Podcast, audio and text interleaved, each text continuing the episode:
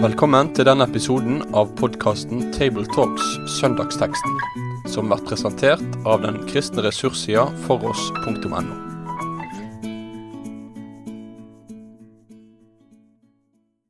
Da sier vi velkommen til en ny episode av podkasten Tabletalks. I studio i dag sitter Jorunn Sjåstad, ansatt i Det norske bibelselskap, redaktør i Bibeldesiplan Logos for voksne. Reidar Valvik, professor i Nytestamentet ved det som nå heter MF Vitenskapelig høgskole. Og her sitter Kristoffer Hansen Ekenes, prest i Rynberget kirke i Oslo. Teksten vi skal lese i dag, den står i Johannesevangeliet i kapittel 1 fra vers 29 til 34. Og vi leser i Jesu navn. Dagen etter ser han Jesus komme gående mot seg, og han sier, Se, Guds lam som bærer bort verdens synd. Om ham var det jeg sa, etter meg kommer det en mann som er kommet før meg, for han var til før meg. Jeg kjente ham ikke, men for at han skal bli åpenbart for Israel, er jeg kommet og døper med vann. Og Johannes vitnet og sa, Jeg så ånden dale ned fra himmelen som en due, og den ble værende over ham. Jeg kjente ham ikke. Men han som sendte meg for å døpe med vann, sa til meg, Ham du ser ånden dale ned over og bli hos, han er det som døper med Den hellige ånd. Jeg har sett det, og jeg har vitnet. Han er Guds sønn. Da er det første spørsmålet hvem er han? Dagen etter ser han Jesus komme. Det fikk vi egentlig svar på. Det er Johannes, døperen Johannes som står her, eh, og som ser Jesus komme, og som sier Se Guds lam. Ja, hva skal han se på ham for, da? Vi kan jo si det noen ganger. Nei, se, der kommer den og den. Men eh, det er vel det er litt mer eh, som ligger akkurat her, når Johannes sier 'se Guds lam'. Ja, altså Det store spørsmålet som reiser seg, er jo hva er det, hva er det han sikter til? For dette begrepet Guds lam tenker vi at det er noe greit, men det er faktisk ikke fullt så greit. Han synes å bruke et kjent bilde, noe som folk skulle assosiere noe med, men hva var det de assosierte med? Det er veldig ofte at man tenker at ok, Guds lam som bærer bort, ja, det må være syndbukken i Tredje Mosebok 16, på den store soningsdagen. Men der er det jo ikke tale om noe lam. Der er det tale om en bukk som sendes ut. Så uh, derfor så faller på sett og vis den uh, sammenligningen med Tredje Mosebok 16 som særlig aktuell, fordi her er det helt klart at det er Jesus som lam som er hovedsak. Og jeg tenker at man, når man skal utlegge det begrepet der, så kan man ikke bare se på gammeltestamentlige forbilder sånn isolert. Jeg tenker at hvis man ser det i rammen av um, Det nye testamentet, så får vi jo bl.a. hos Paulus et um, utsagn i 1. Korinterbrev 5.7 For vårt påskelam er slaktet Kristus. Så hos Paulus har vi iallfall en kobling mellom Jesus og det offeret han representerer, og påskelammet. Og det er klart at påskelammet det spiller en ikke uvesentlig rolle i Johannes evangeliet. Når man kommer litt mot slutten av fortellingen der, til kapittel 19, så er det jo slik at de jødiske lederne ba om at beina på de tre som var korsfestet, skulle brytes, slik at de ikke skulle henge der under høytiden. Man tenkte vel at hvis man bryter beina, så vil det fremskynde blodtap og, og, død. Men det er jo da vi får denne merkelige kommentaren fra evangelisten når um, disse soldatene som skulle utføre dette, kommer fram til Jesus, så så de at han var død, og de knuste ikke hans bein. Uh, og så stikker de et spyd i siden på han, og det kommer ut blod og vann. Mm. Og så står det evangelisten skriver, han som så det, har vitnet om det, for at også dere skal tro. Hans vitneutsagn er sant, og han vet at han taler sant. Dette skjedde for at det ordet i Skriften skal bli oppfylt, ikke et bein skal brytes på ham. Og det tenker jeg er en veldig sånn viktig poeng når vi i forbindelse med Jesu død har et skriftsitat om at ikke noe bein skal brytes, så er jo det et skriftsitat hentet fra 2. Mosebok 12, nettopp om påskelammet.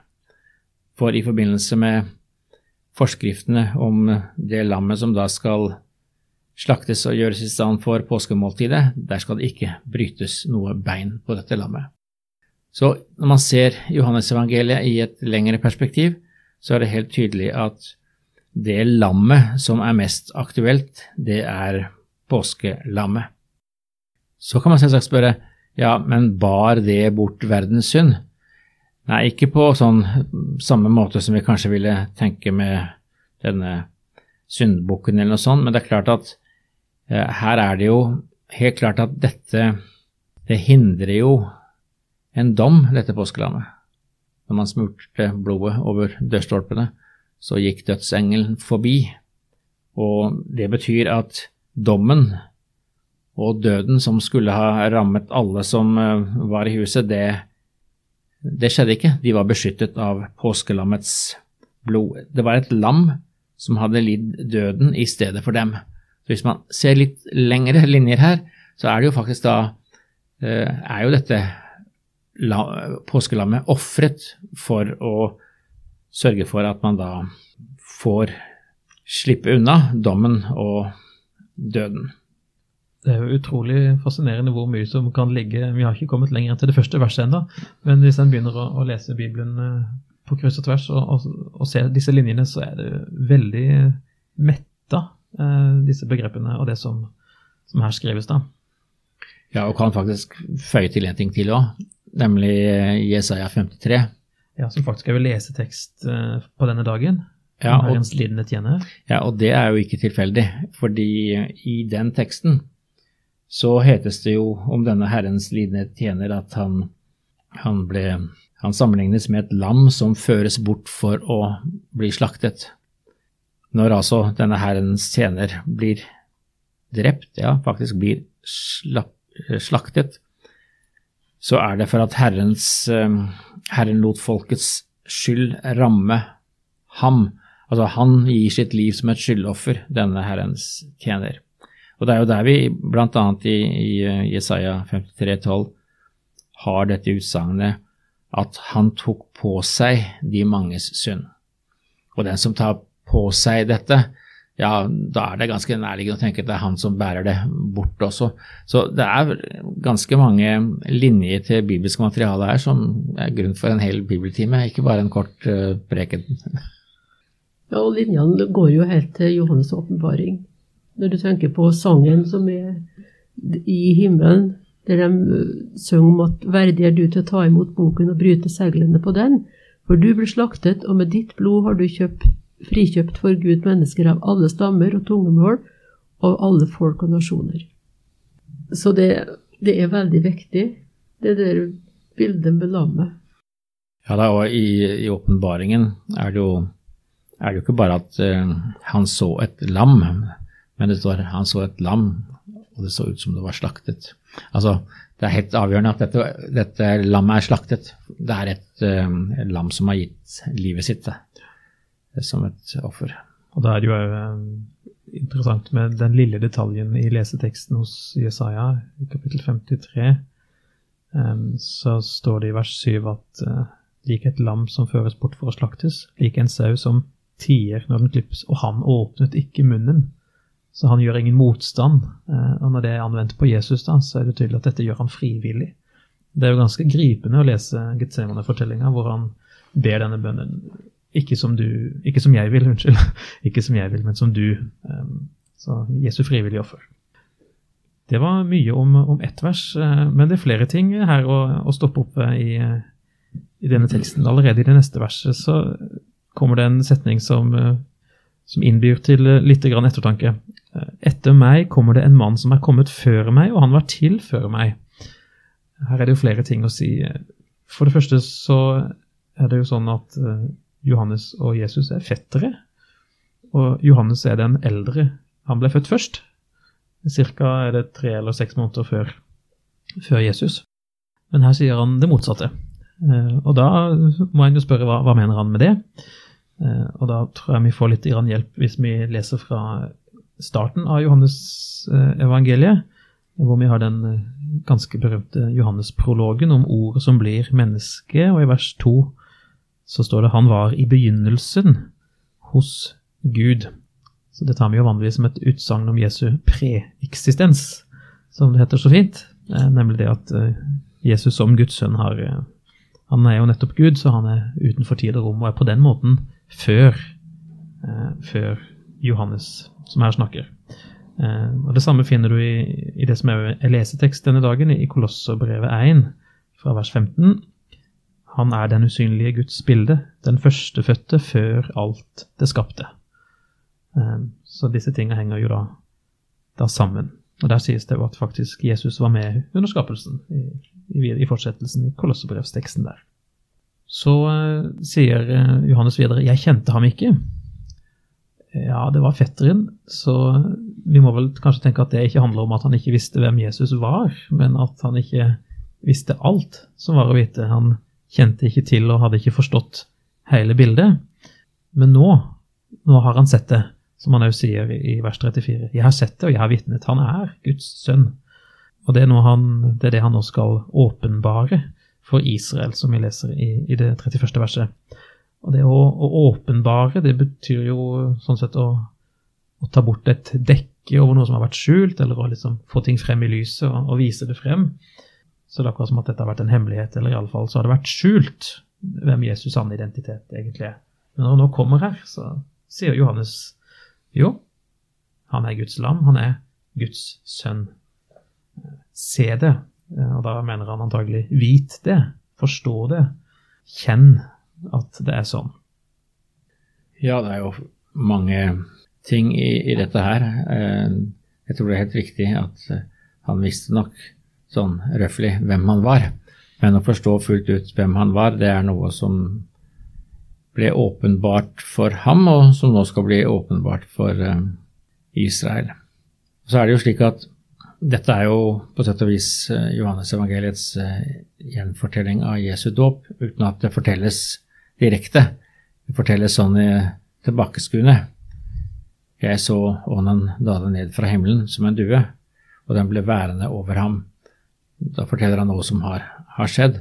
Og det er klart at dette uttrykket med ånden som um, kommer over og er over og blir værende over, er nok et uh, viktig poeng som har uh, paralleller i um, Det gamle testamentet, med ånden som kommer over ulike personer og utrustes, og vi har jo fra Jesaja han som skal ha Ja, ånden skal være over i på alle måter, for å si det sånn. Det er jo en tekst som er uh, om Jesus.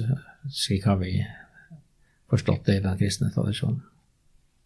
Ja da, og de ånden kommer over i den gamle pakt, det er jo først og fremst eh, profeter, prester og konger.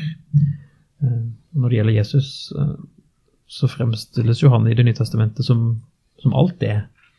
Ikke bare én av de, så det er ingen underdrivelse av Johannes å si at ånden blir over han. Det handler ikke bare om tid, men det handler kanskje også om en slags åndsfylde, eller eh, at det er liksom det fullkommen eh, åndsnærvær hos Jesus. Det må det kanskje være hvis han skal kunne døpe med Den hellige ånd.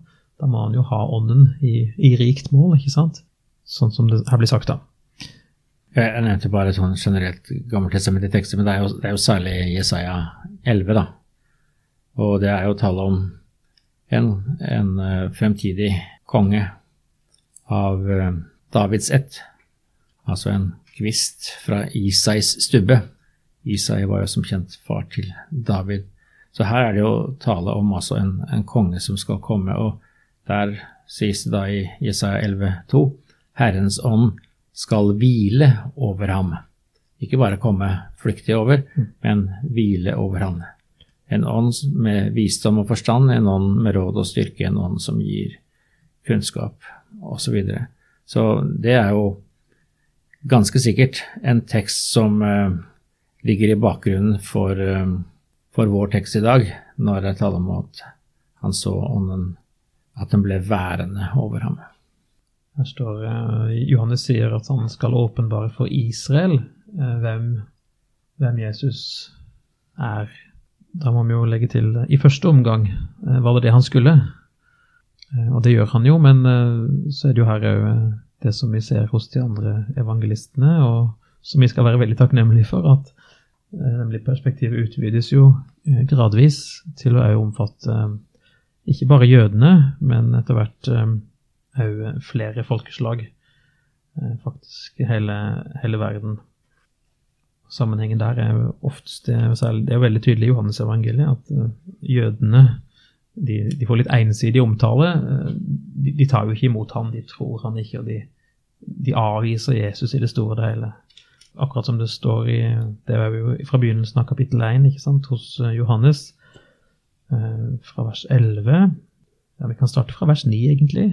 Det sanne lys, sies det om Jesus, eh, kom som lyser for hvert menneske, kom nå til verden.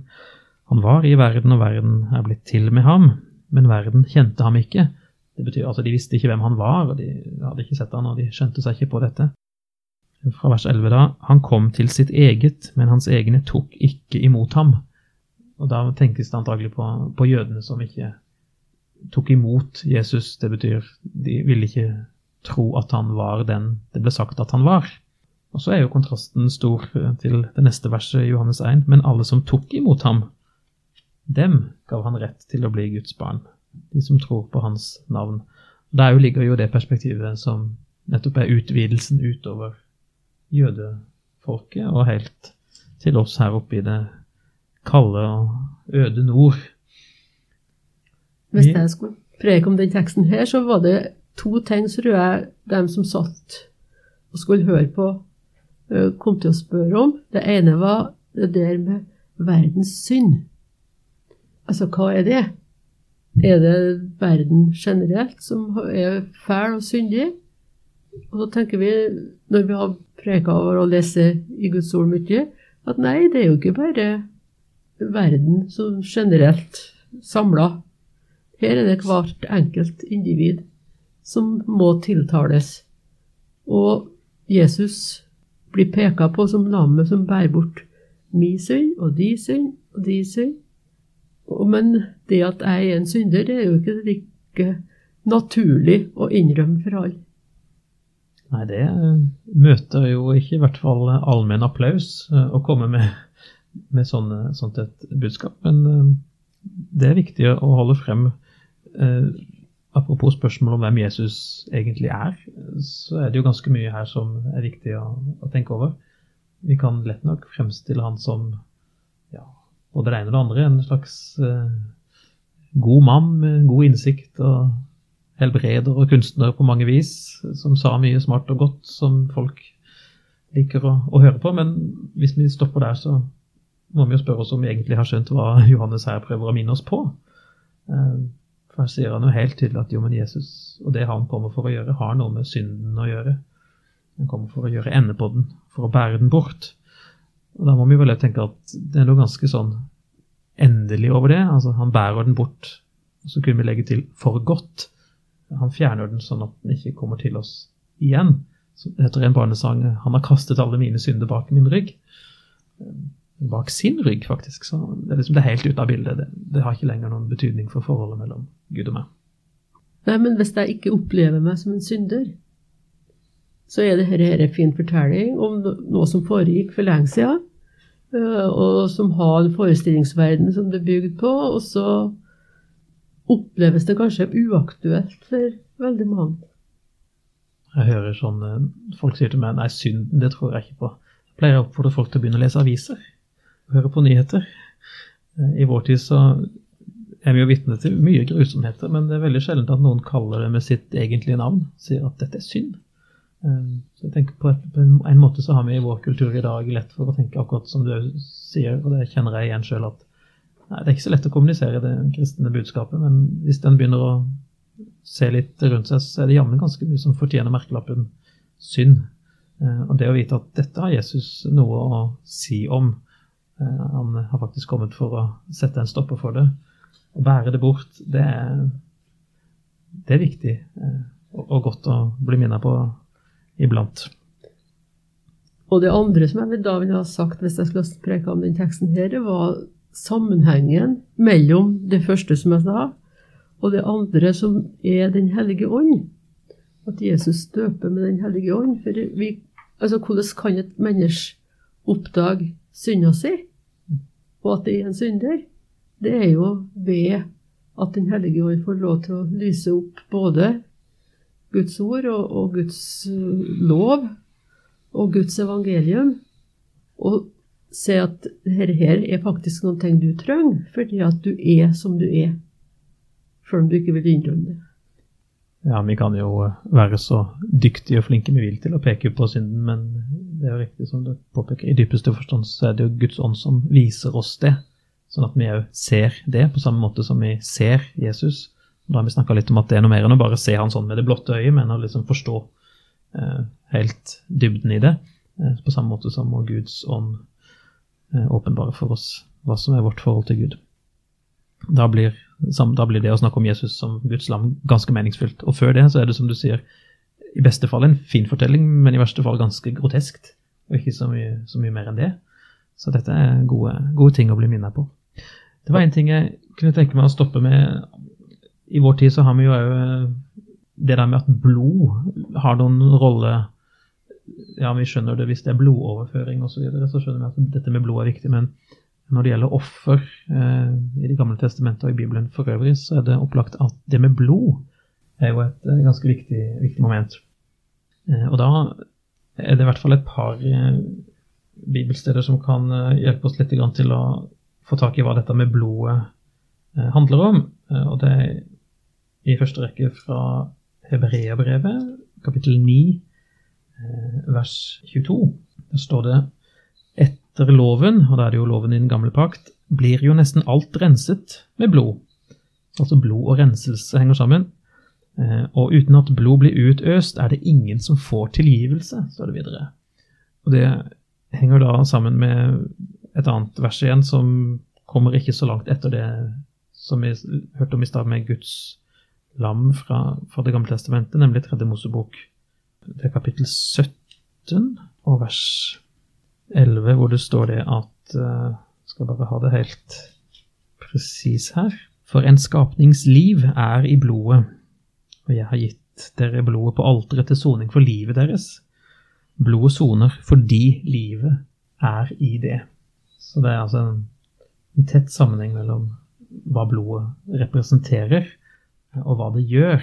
Og så kan vi jo tenke på dette med Det enkelte lammet hadde jo litt begrensa funksjon. Det var kunne sone for ja, hele folket hvis det ble gjort på den rette måten. Eh, men når Johannes da vitner at Jesus som kommer her, han er Guds lam og Guds sønn, så er det altså Gud sjøl som ofrer seg. Eh, og Det må være på den bakgrunn at vi kan snakke om at det er hele verdens synder som dette offeret, nemlig Jesus, kan ta bort, og ikke bare en liten gruppe, eller en Altså det har en mye større gyldighet og en mye større funksjon, nettopp fordi det det er Gud sjøl som, som, lar seg ofre, og som føres bort for å slaktes, som det faktisk står. Vi nærmer oss eh, en avslutning, og da henger det jo Er det noe som henger nå, som vi skulle ha landa? Jeg kan bare tenke meg å ha sagt et par ord til om dette her som uh, Jorunn var inne på. For det er klart at det som nok er problemet for mange mennesker når de hører det kristne budskapet om Guds lam som bærer bort verdens synd. Ja, altså, det er jo synd som er problemet, fordi det ikke, fordi det ikke er noe problem. Det er jo det som er utfordringen i mange sammenhenger i dag, at man har ikke noen erkjennelse av synd. Og da er det jo grunn til å understreke det som allerede er sagt om at strengt tatt er det noe som, som Gud selv gjennom sin ånd må åpenbare for oss. Det er eh, ikke selvsagt at folk forstår sin uh, egen synd. Men hvis man ikke forstår at man er en synder, så har man jo heller ikke behov for noen frelser. Så sånn sett er det ganske viktig. Uh, jeg kom over et uh, intervju med en voksen dame som altså, kom til tro i i voksen alder. Eh, og begynte, hun begynte å lese i, i Det nye testamentet, og da hun, sier hun at jeg fikk se min egen synd, jeg så at jeg trengte nåde.